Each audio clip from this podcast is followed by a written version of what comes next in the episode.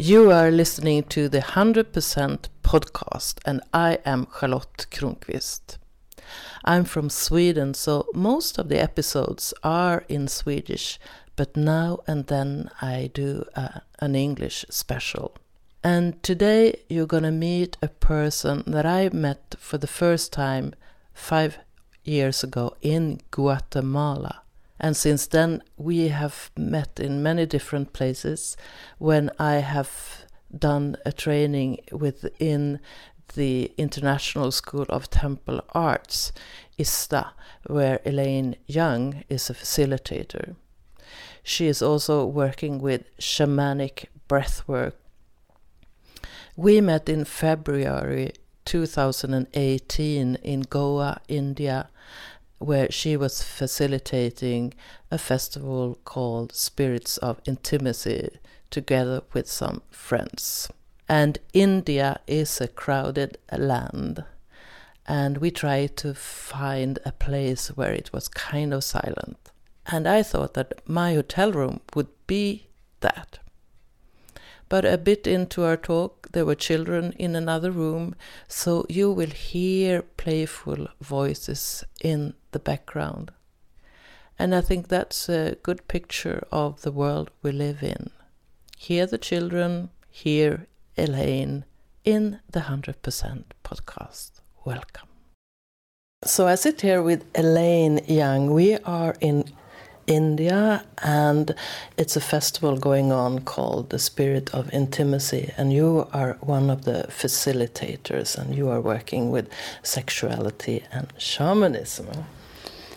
Hello, Charlotte. Yes, I am enjoying being in this. This is for me the third, the second Spirit of Intimacy festival I have been involved in, and I've been in India couple of times in the last four months. So I'm getting really deeply into the energy and the reality of India as the birthplace of so much tantric work, and yet a place where sexuality is very much repressed and distorted um, in the current day. And so it feels a little crazy on some levels to be a half Scottish, half Irish mix of something coming to India to speak about Tantra. And how does that feel, this repression that is here? How, how do, does that, uh, um, what happens with you when you feel that? I feel sadness. I feel the sadness for the loss of expression and aliveness.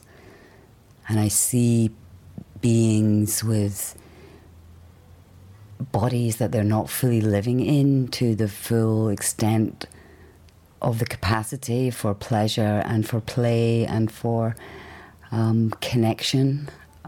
So I feel that there is, I sense there is fear and there is misunderstanding and there is also desire. So it's this interesting mix of me feeling like I want to support people to be their own version of whatever that free expression would be and to create spaces for permission and doesn't have to look any way. People have this idea that sexuality is about sex, but sensuality and connection and openness is about really human connection, intimacy, and our need for touch, our need for um, being felt, being seen, so I, what I see and feel is in the people that I've met here, both those from India and those from overseas, is a knowing in them somehow that there's more. So the people that tend to end up in our spaces are people who have felt some seeking, have felt some resonance, and often they're carrying grief around years of not living fully. So, how did you feel? Uh, when did your resonance come when it came to these things? What's your journey? Hmm.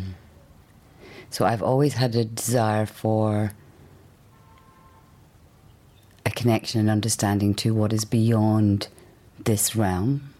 So from a very young age, I was really aware of my sense of the other dimensions of spirit world of of the capacity. I started meditating very young And nobody else around me really knew what that was or, or understood it. I thought it was a bit strange. The form of spirituality or religion that I was exposed to was an Irish Catholic idea of fear and sin and, you know, um, brim, brim, fire and brimstone. And it didn't resonate with me at all. And then mixed in with this, I was also very sexually aware and alive person. And so I explored for many years different forms of sexual connection with people of different genders in different situations, in, in loving situations, in play situations, in fetish situations, because I felt there was something there. There was a key to being alive. But there was a lot of distortion and uh, sometimes alcohol and drugs mixed up with people needing something to support them to be free that drew me and then it didn't draw me. So I moved kind of away from that. And it was actually a number of years ago when my brother passed and he took his own life. And at that time, the grief was so huge that it forced me to let things fall away and there was a choice also. I took the choice to let things fall away. And prior to that, my life had been, in my private life, had always been explorative with spirituality. I studied lots of different religions at times in my life and exploring sexuality. But uh, my day to day job was working as a medical scientist for many years in vascular surgery with people who were full of disease and who were at the far end of the spectrum of essentially not expressing their emotions. So, my other big passion is the emotional body, and my experience with grief allowed me to have a deep experience around how unhealthy we are in our society in expressing our emotions, particularly grief. And once I allowed that to come forward, almost like everything else in my life that had not been expressed, came running up after it, sort of saying, Me next, me next. And there was a moment of choice to go on behaving the way that we all agree to behave in society, or to actually figure out what's really real. And when I took that choice, everything changed. And I felt I had an experience with someone in my private life which was very powerful and and I ended up deciding to go to a Tantra class the following day. and I found there a place where expression was real, connection to the body was real, acceptance of emotions was real, and it helped me deeply through uh, this grief process. And from that point on, I was, when I came back together, as it were, after the falling apart, I was different. Was it like you were a more scattered person before this grieving and now you became more like whole? I wasn't scattered, I was actually probably way too structured. okay, then super structured, and now you could get a bit more loose. Yes, yes. So structured, and without even being aware of it, um, dictated to by belief systems and um, the idea of what is success or what is important, professional, is um, qualifications, money, da da da da. All of that suddenly became very clear that that didn't really matter to me, really. So what then became more important was like how I'm feeling in my heart, who where my connections are, how um, how able am I to to live from all of me rather than some idea that's imposed that I picked up from a very young age as to what what it was to be a good person, to have a successful life, to so I went from being kind of quite rigid on some levels and then breaking out into like craziness because the rigidness was, you know, was not really true, and then back to rigidness, and then crazy, you know, and then back to rigidness at different times of day, depending on if I was my work, I was very professional, and then I would like partying, my animal would come out. So now, as much as I really enjoyed and I loved what I did and I had a lot of satisfaction and uh, and I had a very good life, and I'm not looking back and saying, you know, that I wish I hadn't done that or that was a waste. The reality is, for who I was then, that was my truth. And then it no longer became my truth. And I was fortunate in that I met many people in different areas of the next big piece that came for me was really discovering shamanic breathwork and discovering that as a way to really transform both the physical body and the sense of connection to my soul as to you know why am I here and what do I want to do with this time here. There was no going back for me, and I didn't expect that I was going to be facilitating or working as a body worker. I was like, uh, I'll just have my nice life, and then I'll just be doing this because this is my the way I want to live. And then a few people that I met could clearly see something I couldn't and were saying, Oh, you're going to be doing this. And I was like, No, no, no, I have this nice life in London. I have three months holiday a year. I make good money. I've got security, blah, blah, blah, blah, blah. And I tried to create the structure part of me, tried to create this like three months on, three months off, six months on, keeping myself in some safety net. And I had a big, in fact, when we met in 2013 in Guatemala, when I was stung by a scorpion in my first night at the lake and went into some lucid dreaming and journeying, this was the fear. This was my journey with fear, facing the fear of letting go of security, which from a very small age, as a young child, as a female of a mother who chose to leave her husband with two young children in 1974, an Irish Catholic family, which you didn't do, it's like I have to be able to take care of yourself. You have to have security. You have to have independence. So I really started to understand that there was a big hold of fear of walking away from that and letting that go, and had some strong life experiences to support me. I can I can feel your story in me. It's like the hair is racing. They are racing, and it's like yeah. So it's yeah. and I remember when we met in Guatemala the first time, I think you were assisting then. Yes. Yeah. It was a ISTA level one training uh, that I was to then. And ooh, I just realised that actually from here in India I go straight back to Guatemala. Yeah.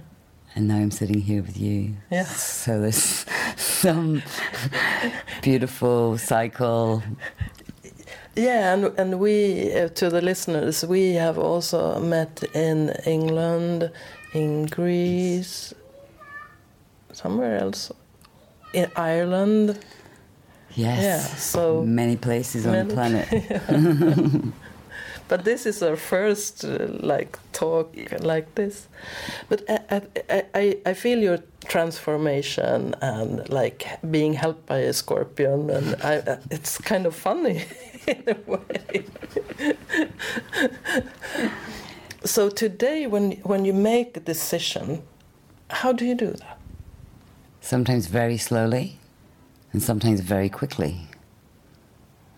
Sometimes there's a real clarity, and I use the awareness which I didn't have before. My mind, I have a strong mind. I have a high level of academic intellect.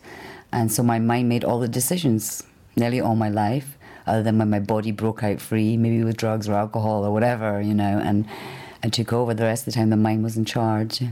So for me now, decisions come from a combination of listening to the mind, but putting it in its relevant place. So listening to the heart, listening to the belly, listening to my base, to my sex center, and connecting in with this deeper part of me, which some people might think is their essence or their soul or however we wish to describe it, this deeper, wiser part of me, which actually I mainly access through the body because the body holds a lot of wisdom and connecting from there to this place and feeling into like priorities because often there are many things one could do with one's time and in my life, interestingly, time is one of my challenges. has been for a very long time. So I never really have challenges around abundance or love or friendship or but I have this journey with time of not enough time even when there is enough time. So I know it's something, and I've done explorations of that in looking at my birth and looking at what happened there. And as a scientist person, I thought this was all nonsense, you know. And um, when people first started talking about, you know, how your birth or how your thing may affect your being now, and I just couldn't even conceive that that was possible. And then when I realized with my intellect and my mind, I could do many things, but I couldn't really break this pattern or this belief or this experience, I started to realize it was from somewhere deeper in me. And so for me, time is like very valuable. So I also have this this um, piece where I can use my rational mind and I can think from a place of intellect, and then I often now work from a place of understanding the stronger things. You know, I don't I don't even know if I really believe in past lives in the form that many people think of them, but I believe that we carry karma from our family, from our collective consciousness, and that how we arrive into this world really can have a big impact on on her life. So I realized more and more. I spoke to my mother. My mother now has dementia and is very much her body's here, but her being is mainly moved on. But I spoke to her about this, and she had a 36 hour labor, and then they had an epidural, and then there was this forceps delivery. People could say it was nonsense, but for me, there seems to be something in this piece of not having enough time at that time to do it in my own time. So I feel somewhere in my being that is that solidifies this thing around an awareness of what I do with my time.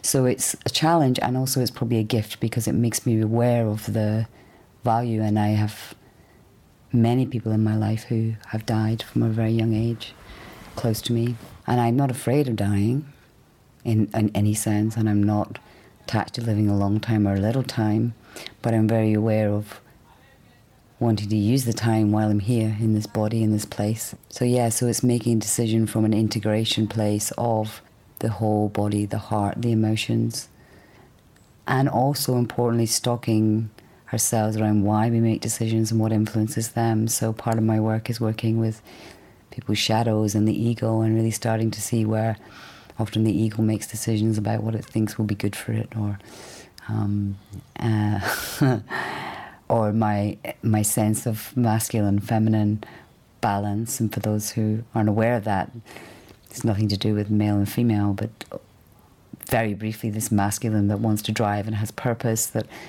I think is an epidemic in our society, in people in women and men's bodies.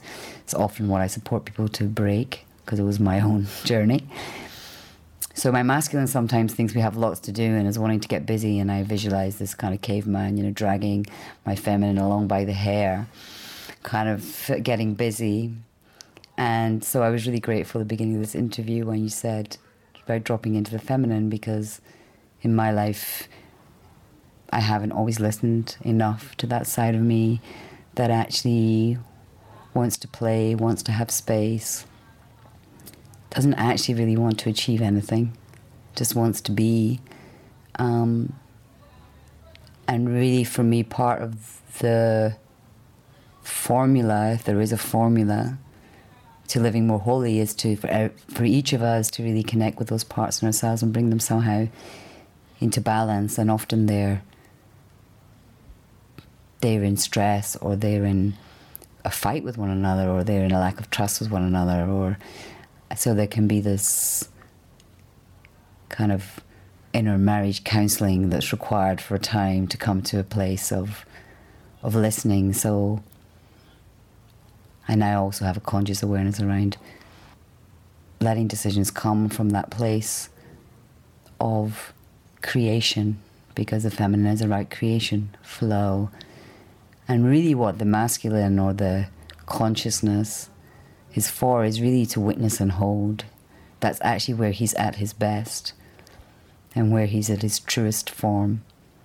rather than trying to get busy creating lots of purposes and searching for the Holy Grail. I'm smiling while you're sharing this um, because I've been a good girl most of my life, and that's about it, achieving stuff and and showing the world that I'm okay. And I thought that the only way to get love was to earn it. It was not okay to be like in my feminine and just receive uh, love. So in this part of my life, I'm more into receiving and more into relaxation and skipping some ideas and some work and, and so on. So I do very little work today that is just for money. I'm not totally free, but this to to work with sexuality, to do this podcast, um, I've created something I call playful tantra. That's yeah, to, to be in the feminine. When I create something, it's not like structured very much. I do have a structure, but then I go into the flow when doing it, and it's so relaxing for mm. for my being. Mm. And I think that the world needs more feminine today. And uh, what I see also in myself and in many women that they have been forced in to be a lot in their masculine because we have a very paternalistic society, so we go into that. When you see a woman being very much in her masculine, how could you support her to be in her feminine a bit more? Since we are talking about energies and not mm. about sex yeah. or gender. So the first thing is always awareness. And some people are aware on various levels because they feel it in their being. And usually, the easiest way I've found supporting, and I work with people individually and one to ones and with groups, is pointing people to are you feeling exhausted? Is your inner being feeling exhausted? And is your inner being feeling stressed? And is your inner being feeling nourished? And are you still connected to your playfulness? When you ask those questions, often, very quickly, and most people, there's a realization that this is what's there. And, um, and then comes the slightly trickier piece, which is so, how do I then begin to shift and change that? In a world that values the opposite. So we're taught the value, worth comes from achievement, academic achievement, financial achievement, even like having babies achievement, you know, as a person in a female body. And there's, we can see it even in the wider society, there's less value for art, for creativity, for dance, a sense of something being useful rather than something just being what it is for just being what it is. And it can be a struggle for people to make that shift because most things in our life are set up in a way that makes that a challenge. If I suddenly just become this floaty person, you know, I, my own journey when I decided to be true to myself was that many people around me were like, what the hell happened, you know? My family were kind of like, okay, we'll, we'll give you a month of this and then we'd like the old version back because that fits with us. So, another part of the shamanic work I do is working with the energetics of the telepathic agreements we have with people around us. And that's with our boss, our mother, our partner. And all those agreements keep us in this role. And the ego keeps us in this role. So, my own journey of looking at my ego of where am I getting my needs met and how are they met. So a little like you shared, it was like if I do things that are good of value, then I am worth something. If I'm able to cope and with the stress and be the person that holds it all together, people are grateful and people think something of me. And often it's really at the cost of the self, at abandoning our own being. So all the energy is going out to please other people and to be. So when we start to break these agreements with people in our field, often they don't like it. They want us to come back to be the person that fits. Particularly, you can see in family dynamics, where often someone is the reliable person, someone is the joker, someone is the rebel. So we all take all these archetypes and we split them out into some constellation and play them out. Rather than all of us being allowed to be everything, all of us being allowed to own all those parts. So, first of all, we have to be willing for people to be disappointed. Yeah. That's a huge one. Yeah, for people to be disappointed and to risk losing their love. I really can relate to that one, and I think that fear hinders a lot of exploration. Yes, yes, because if we really stand back and look at the bigger picture of this, in my sense and in my own journey and people I work with, this hits on the, the key abandonment wound that we all fear. You know, we're all born into the world, and when we're in the womb, we're connected to another being. And when we're born and we come out into this individualization and separation, often we're left with this feeling of longing to find that again. And I observe that actually it's even bigger than that. It's even my belief is that you know we we are energy and we are souls that land into a physical form for a time, maybe for more than one time. And so when we're in that form of where life is created, whether you think that in a spiritual way or whether you think that in the way of, I like to work with these cosmology models of the void, the black hole, the center of life where things created. So we come from nothingness, from energy, into form. And so sometimes the abandonment wound is actually related to this leaving source. And in many people I work with, they have, and my brother's suicide was a big learning for me in this piece. And my sister also, also ended her own life, but in a slower way with alcohol. But essentially, the mind and part of the being killed the body. So I notice in people that things like depression, things like suicide, some people don't really want to be here. They've never fully landed in this experience and they're left with this yearning. And a lot of the work I do is supporting people to connect back to that source and to bring all of that here so they can feel like they're fully committed to this life and this body rather than feeling split. So when we don't please people or when we start to be ourselves and we fear disappointment and we fear loss of love and we fear rejection and we fear sometimes for our life, for our survival. This in Tantra is really evident when you look at how people are connected to their base, to their base chakra, to security, to certainty, to their right to be here. And many other jet- energetics around the tantric energy body in connection also to spirit or to some wider matrix, however you want to think about it. So we can feel alone. Even if we're surrounded by people, we can feel alone. So to be true to yourself often requires facing that fear and making the choice to do it anyway and trust that the people who are meant to be in your life will stay and the people who really love you will love you for who you are. I wrote a book some years ago called 100% Charlotte Take Your Inner Leadership. And it was about both see, see all sides of you and acknowledge all the shadows also to be like a whole person. Now I lost it. What was the last thing you said? it was part of the, about the ego. So we were speaking around what actually, you know, how do you actually show people or how do you support people to be more in their feminine? So you point them to the exhaustion and then you say, okay, you want to change. So then you teach them and support them ways of connecting to that feminine energy by giving it space, things like dance, expression, art, flow, surrender. And there are many ways we can learn about surrender through sexuality, hugely. So, yeah.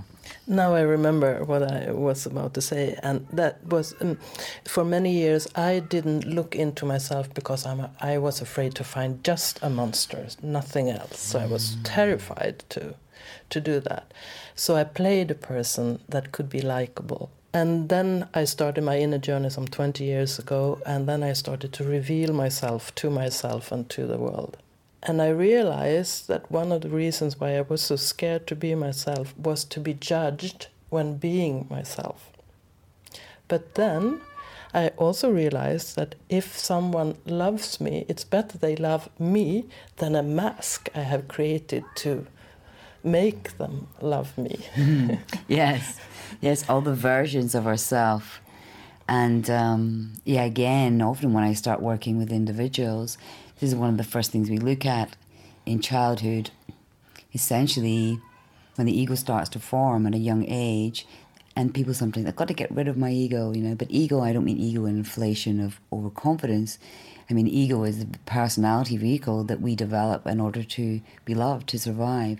And depending on that environment, how in one family it might be that actually the way to survive is to be very loud and outspoken and everything else. And so that's how we adapt. Another family, how to survive and how to be loved might be to be quiet and shy and to behave a certain way. So we start to form this this vehicle, this personality, this ego. Um, and when we're very young, it's crucial because we need our parents for food, for shelter. So it is a matter of life and death. And then there comes a time in life when it's no longer a matter of life and death, but it's so embedded in us that actually we we're still playing that. So the other piece, and again, I find this often in in shamanic breath work, is pointing people to this idea of the shadow not being all the monsters. So Jung worked beautifully with pointing to the golden shadow. So we're realizing that while we shut away the things that it's not okay to be angry. So I'm angry when I'm young and I get punished or I have love thing. So I shut away my angry person. But also I could shut away my playful person. And we put those things into the shadow because we reject them or judge them or someone else does. And then we're living this mask, as you say, this this acceptable version, lovable version.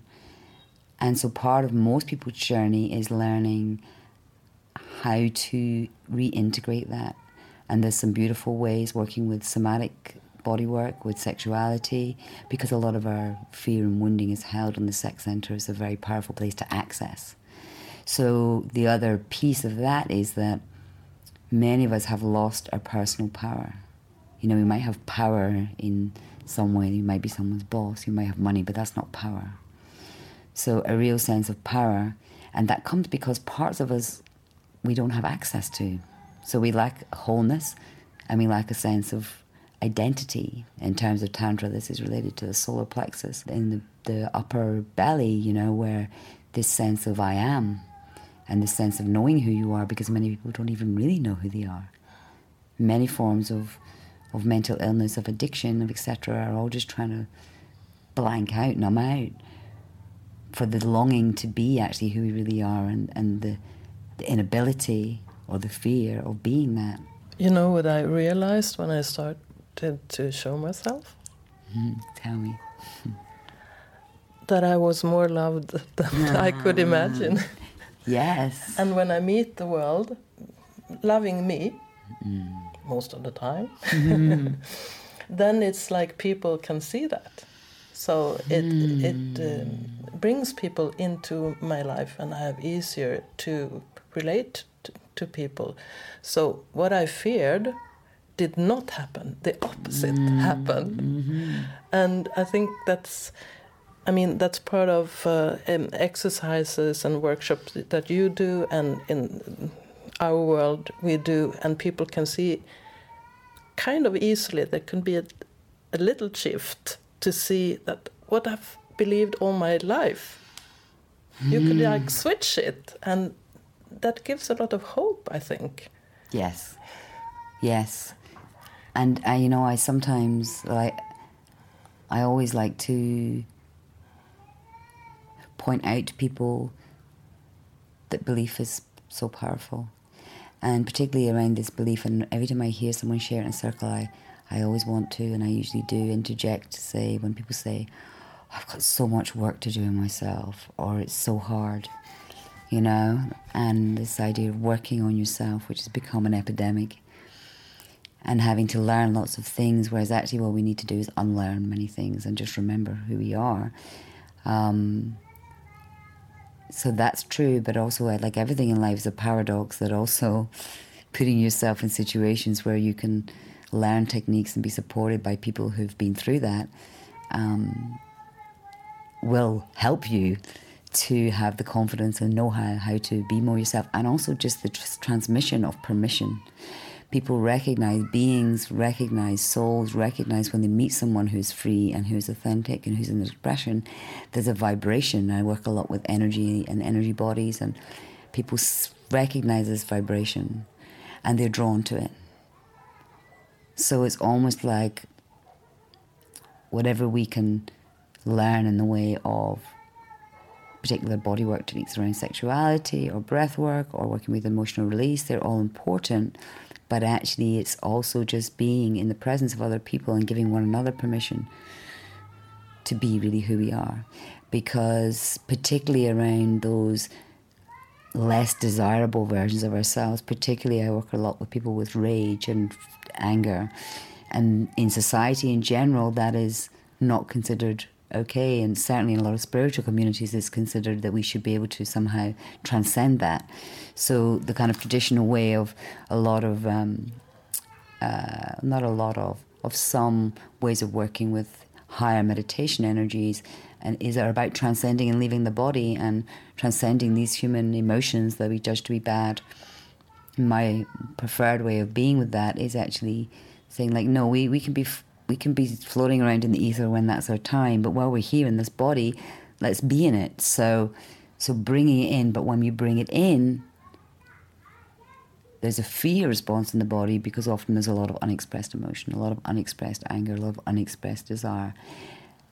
And the consequence of that in the collective is when we deny in each of us the shadow pieces, the angry person, the perpetrator, you know, the even in, in terms of sexuality, the abuser, then the outer projection of that becomes more and more distorted and louder and louder.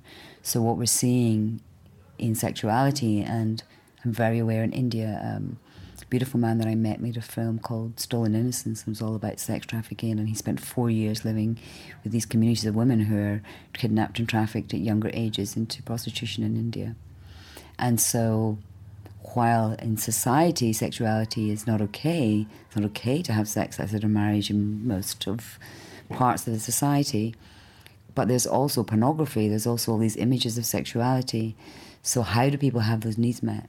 And often they have those needs met by going into distortion. And there's so much shame associated with sexuality, led down by Catholic Church and many other religions and traditions, that it keeps that underground. And then the shadow comes out in distortions and why we have so much war because we're not only our anger, why we have so much abuse, why we have increasing rates of rape in certain countries are because each of us are not owning that part. And it's not about becoming that, it's about accepting that we all as human beings have the capacity to be the monster. And once we all start, if we can all start doing that, then we don't need to project it out into society in the distorted and enormous form that we're living with now. So what I see that we are, me as a participant and you as a facilitator are creating these three days at the spirit of intimacy is like an island of peace and love. yeah. And also anything else that comes up, you know. Someone came to me in the process yesterday and and I always intend to be very aware that all feelings are welcome. So when we take the journey towards love and bliss and pleasure and openness, because we haven't always had that, sadness comes up. Sometimes anger comes up. And we have an idea of what it's meant to look like. You know, someone said to me yesterday, well, should I leave because I'm just crying and I don't really want to stay here? And I was like, no, this is this is good. This is where you are, and this is welcome. And often to get to greater love or freedom, these emotions need to be met, and sometimes they're from our our child, sometimes they're from past relationships, sometimes they're from our family history and our DNA, particularly, well, not particularly. There's you know, men have their own journey. So we spoke about people in women's bodies and the struggle with the feminine. And there's a particular case where men in modern day world, even more so than women, are expected to be in the strong masculine and, and the the not harvesting and giving permission and appreciation for this feminine, creative, emotional energy in men. Many men have been denied that. So within the world of tantra and sexual shamanism and consciousness, really encouraging those in male bodies to really be free because that has been perceived as weakness. You know, has been perceived as men are meant to be strong and they're meant to be the warrior. And that's not real. None of us are that. None of us can be that all the time. So we are then playing a part and we're exhausted and we're in conflict. And it takes both. So, one of the models for people who may want to get a concept of this, one of the models can be thinking of the masculine as presence, as consciousness, as awareness, of, as a space. And then thinking of the anything that's the feminine is what is in form. So the earth, you know, creation, nature as, you know, when does when does consciousness express in form? And it takes awareness being present to witness form, and it takes form to be present for awareness to have something to observe. So yin and yang, awareness and form, direction and flow. This is when we come to balance. And in one of the shamanic models I work with, we work with this idea of the masculine as being linear, as being purpose driven, or as being direct and solid, and the feminine as being the circle of flow. But in fact, the real reality is it's a spiral, it's a combination of the direction and the flow that allows us to integrate both. So we're coming in this spiraling through where we are moving towards something, but we're also allowing flow to come and for both to be integrated in each of us.